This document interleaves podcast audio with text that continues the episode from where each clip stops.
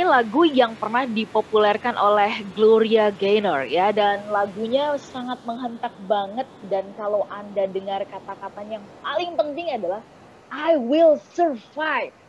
Itu yang akan menjadi topik bahasan kita pagi hari ini searah atau juga sejalan dengan judul lagu tadi itu juga yang menjadi judul dan topik perbincangan kita di kesempatan pagi hari ini dalam Smart Happiness. Selamat pagi smart listener dan juga sahabat yang bergabung. Tentu saja tidak pernah akan ada kata kemenangan kalau tidak ada pertandingan dan juga perjuangan ya. Dan tidak ada kata bahagia kalau kita tidak pernah mengalami tekanan. Dan pagi hari ini senang banget, Alhamdulillah puji Tuhan ya berkat dukungan kita semuanya, dukungan doa dari seluruh masyarakat Indonesia. Kembali pagi hari ini kita bersama-sama dengan Pak Arfan Pradiansyah, Selamat pagi Pak Arfan. Selamat pagi Mbak Ola. Apa kabar hari ini Mbak? I will survive. ya, ya. Senang banget udah bisa mendengar kata uh, pertanyaan Pak Arfan dan juga mendengar ketawanya ya. Saya yakin uh, kalau selama satu bulan kita nih ditanyain terus kan sama smart listener itu ya. uh, kok rekaman tadi pagi eh siaran tadi pagi saya nggak bisa ketemu ya di di apa namanya di YouTube ya gitu kan. Okay, ya.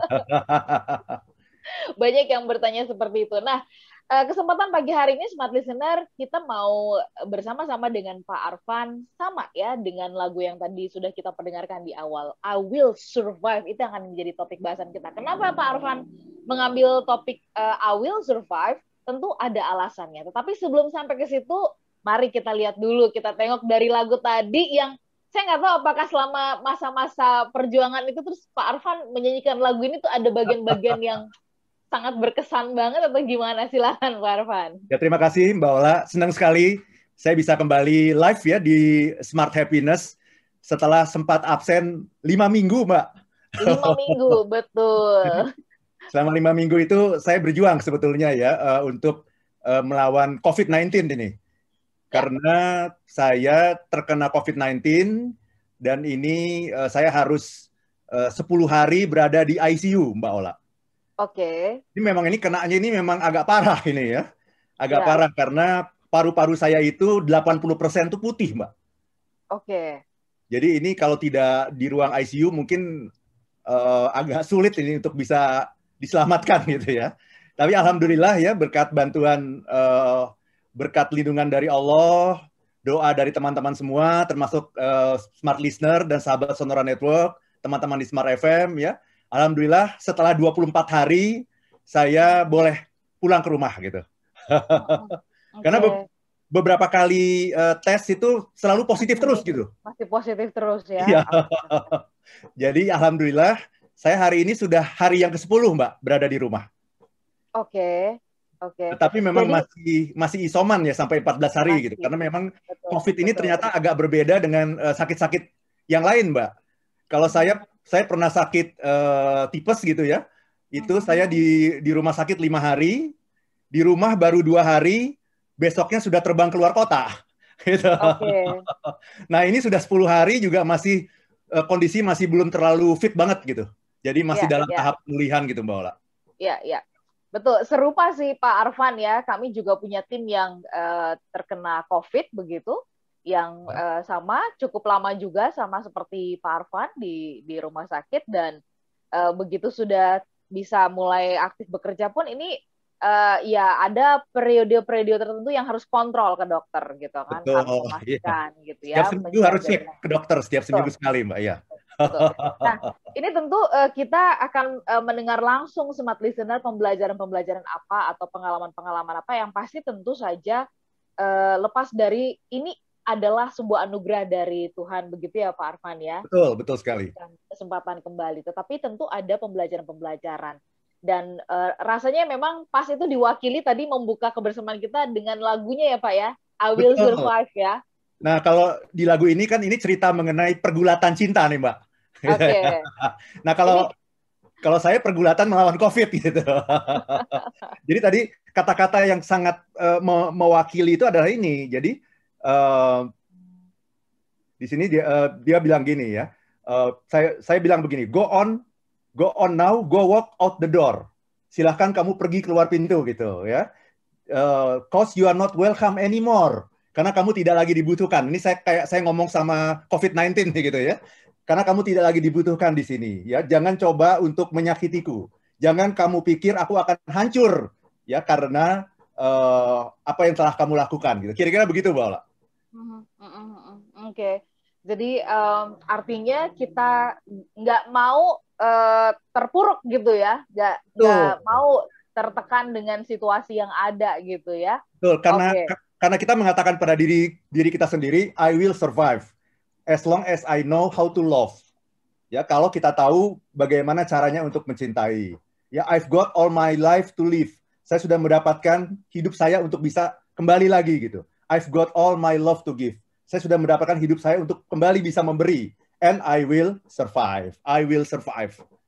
Oke, okay, I will survive. Ya. Baik, Pak Arfan, eh, saya yakin banyak banyak banget ini pembelajaran yang akan kita dapat begitu ya eh, dari apa yang Bapak alami, mulai dari ketika um, akhirnya uh, kita dapat informasi ya uh, dari dokter gitu ya hasil pen, hasil lab bahwa uh, terkena positif COVID gitu kan. Ya. Ini kita pengen tahu uh, pergulatan apa yang pada saat itu Pak Arfan rasakan gitu kan. Wah, masa sih? Gila apa apa yang terjadi pada saat itu gitu ya. Itu yang kita pengen uh, pelajari dan kemudian ya, uh, dalam proses uh, perjuangan di IC itu seperti apa. Bahkan ketika uh, sudah uh, pulih lalu masih uh, dites kemudian hasilnya negatif itu down nggak sih? Uh, ngerasa kayak gimana begitu? Kita bahas nanti ya di sesi berikutnya Smart Listener dan juga sahabat yang bergabung, kami mau mengundang Anda. Silahkan Anda boleh pergunakan WhatsApp kami di 0812 11 12 959 atau juga YouTube channel Smart FM.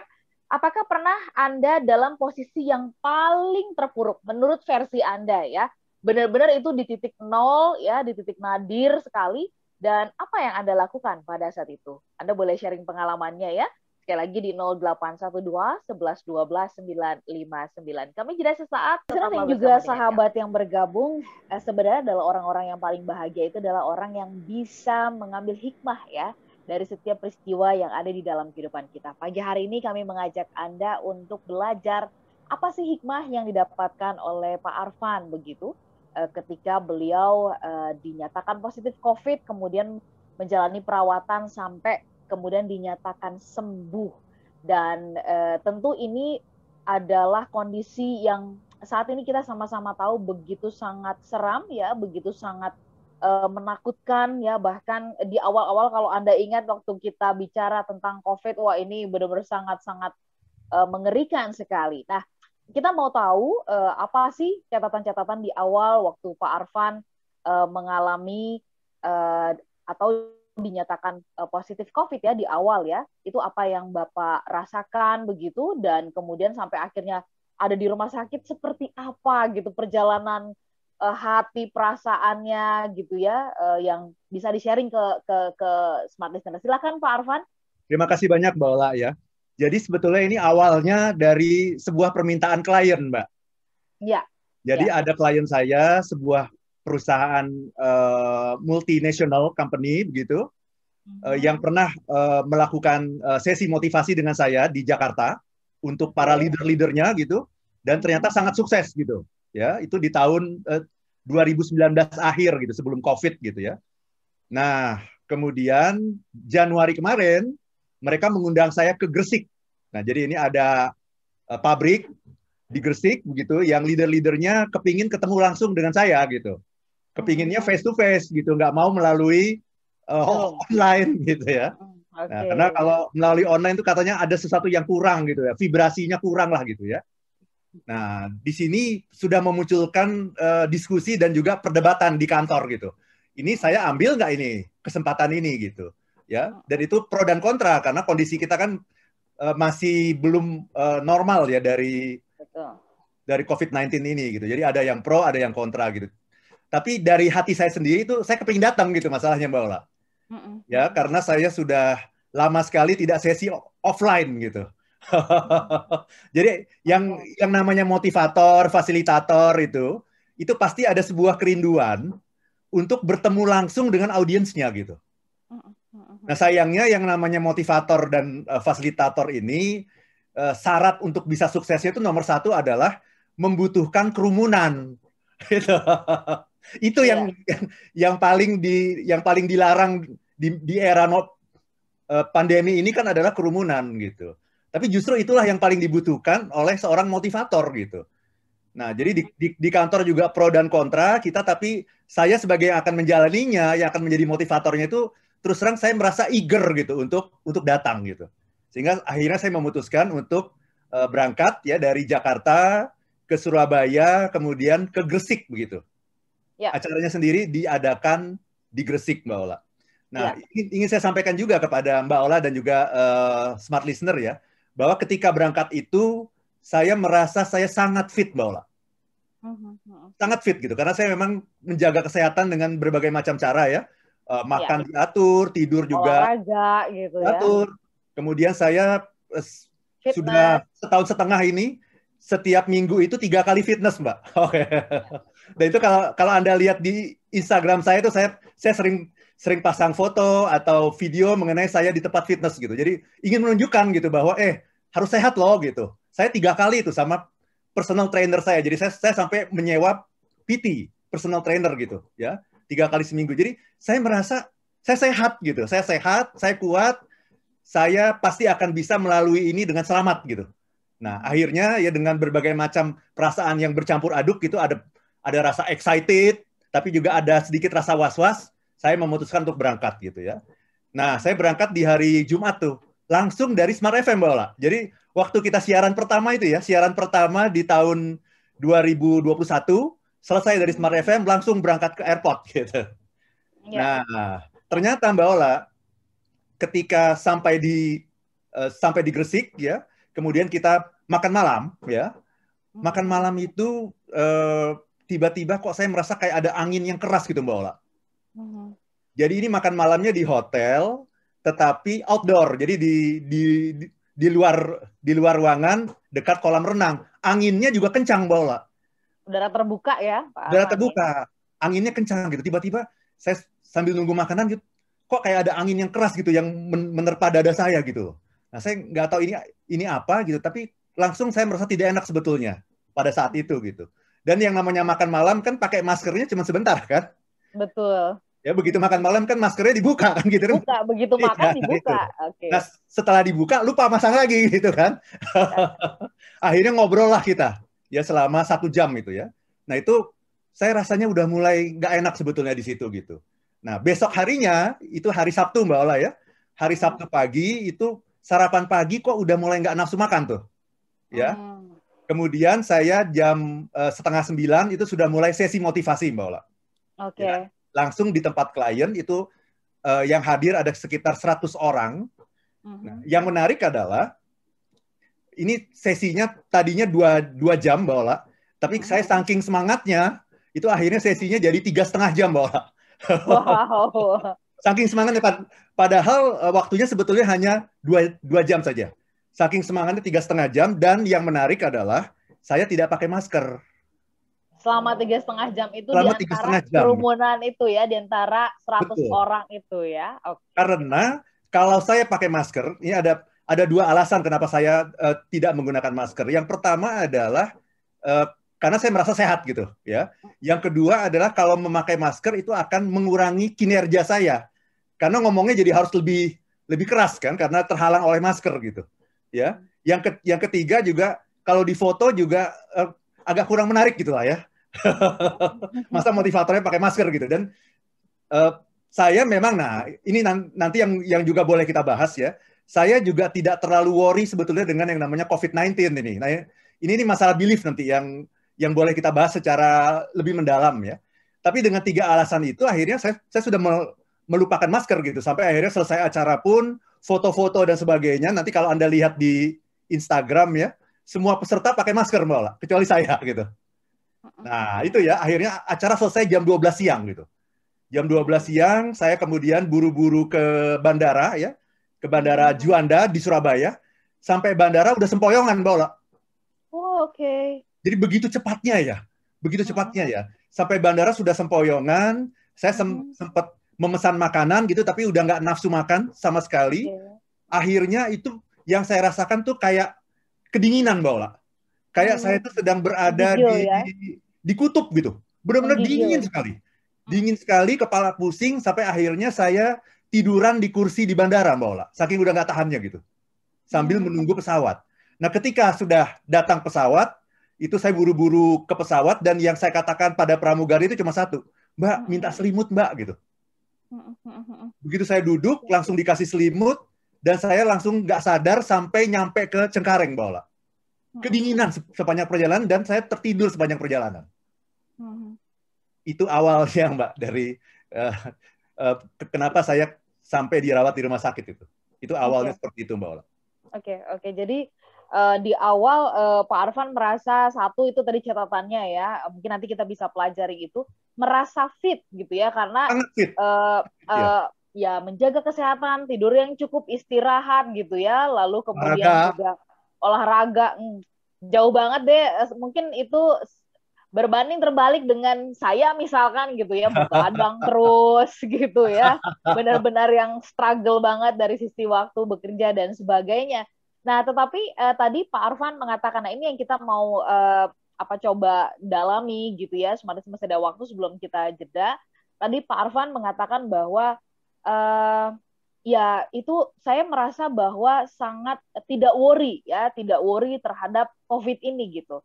Ya. Mungkin bisa uh, Pak Arfan kupas, tidak worry ini apakah juga berarti bahwa di awal-awal ya Pak Arfan uh, termasuk yang apa sih COVID gitu kan? Itu beneran nggak sih? Ada nggak sih gitu? Apakah yang juga di area situ, di lingkaran itu maksudnya Pak Arfan? Ya betul sekali Mbak Ola ya. Jadi ketika awal kan kita awal COVID itu bulan Maret tahun lalu ya. 2020 ya. 2020. Nah itu tiga bulan pertama itu saya adalah orang yang worry sekali Mbak Ola. Uh-huh. Jadi tiga bulan pertama itu tidak keluar rumah dan sebagainya gitu. Ya uh-huh. sekali sekalinya pergi keluar rumah itu begitu pulang ke rumah tuh kayak orang Parno gitu ya, langsung ganti baju dan sebagainya gitu loh. Betul-betul uh, hati-hati sekali gitu. Itu tiga bulan pertama gitu. Tapi selama tiga bulan itu kemudian juga saya banyak cari uh, data, artikel, video di in internet yang kemudian saya mendapatkan sebuah uh, clue gitu bahwa jangan-jangan ini adalah sebuah konspirasi gitu. Nah itu tuh Mbak Ola. Jadi saya banyak belajar mengenai teori konspirasi gitu pada akhirnya gitu. Dan dalam teori konspirasi, kalau kalau kita belajar yang namanya teori konspirasi itu intinya cuma satu. Dalam segala apa pun yang terjadi, segala musibah itu, kita harus lihat siapa orang yang paling diuntungkan dalam musibah itu. Gitu ya. Jadi sama kayak kayak misalnya kita belajar uh, mengenai G30 SPKI ya misal gitu ya. Siapa ini dalang PKI misal gitu ya. Nah, kalau dari teori konspirasi, dalang PKI itu adalah orang yang paling diuntungkan dengan adanya uh, G30S itu. Siapa? Itu harus dicari. Nah, itu adalah dalangnya gitu. Nah, sama gitu. Ketika kita bicara COVID, kalau dilihat dari teori konspirasi, siapa orang yang paling diuntungkan dengan COVID ini? Karena dengan COVID ini banyak sekali bisnis yang berguguran, tapi ada bisnis yang sangat maju, bahkan sangat berkembang di era COVID ini. Apakah itu? Oke. Okay. Nah, itu bisnis farmasi. Nah, itu kan itu kan sangat berkembang gitu. Dan kalau dilihat dari sisi ekonomi politik internasional, ya ujung dari semuanya ini adalah apa? Vaksin, gitu ya. Jadi vaksin itu harganya mahal gitu dan ini merupakan bisnis yang luar biasa gitu.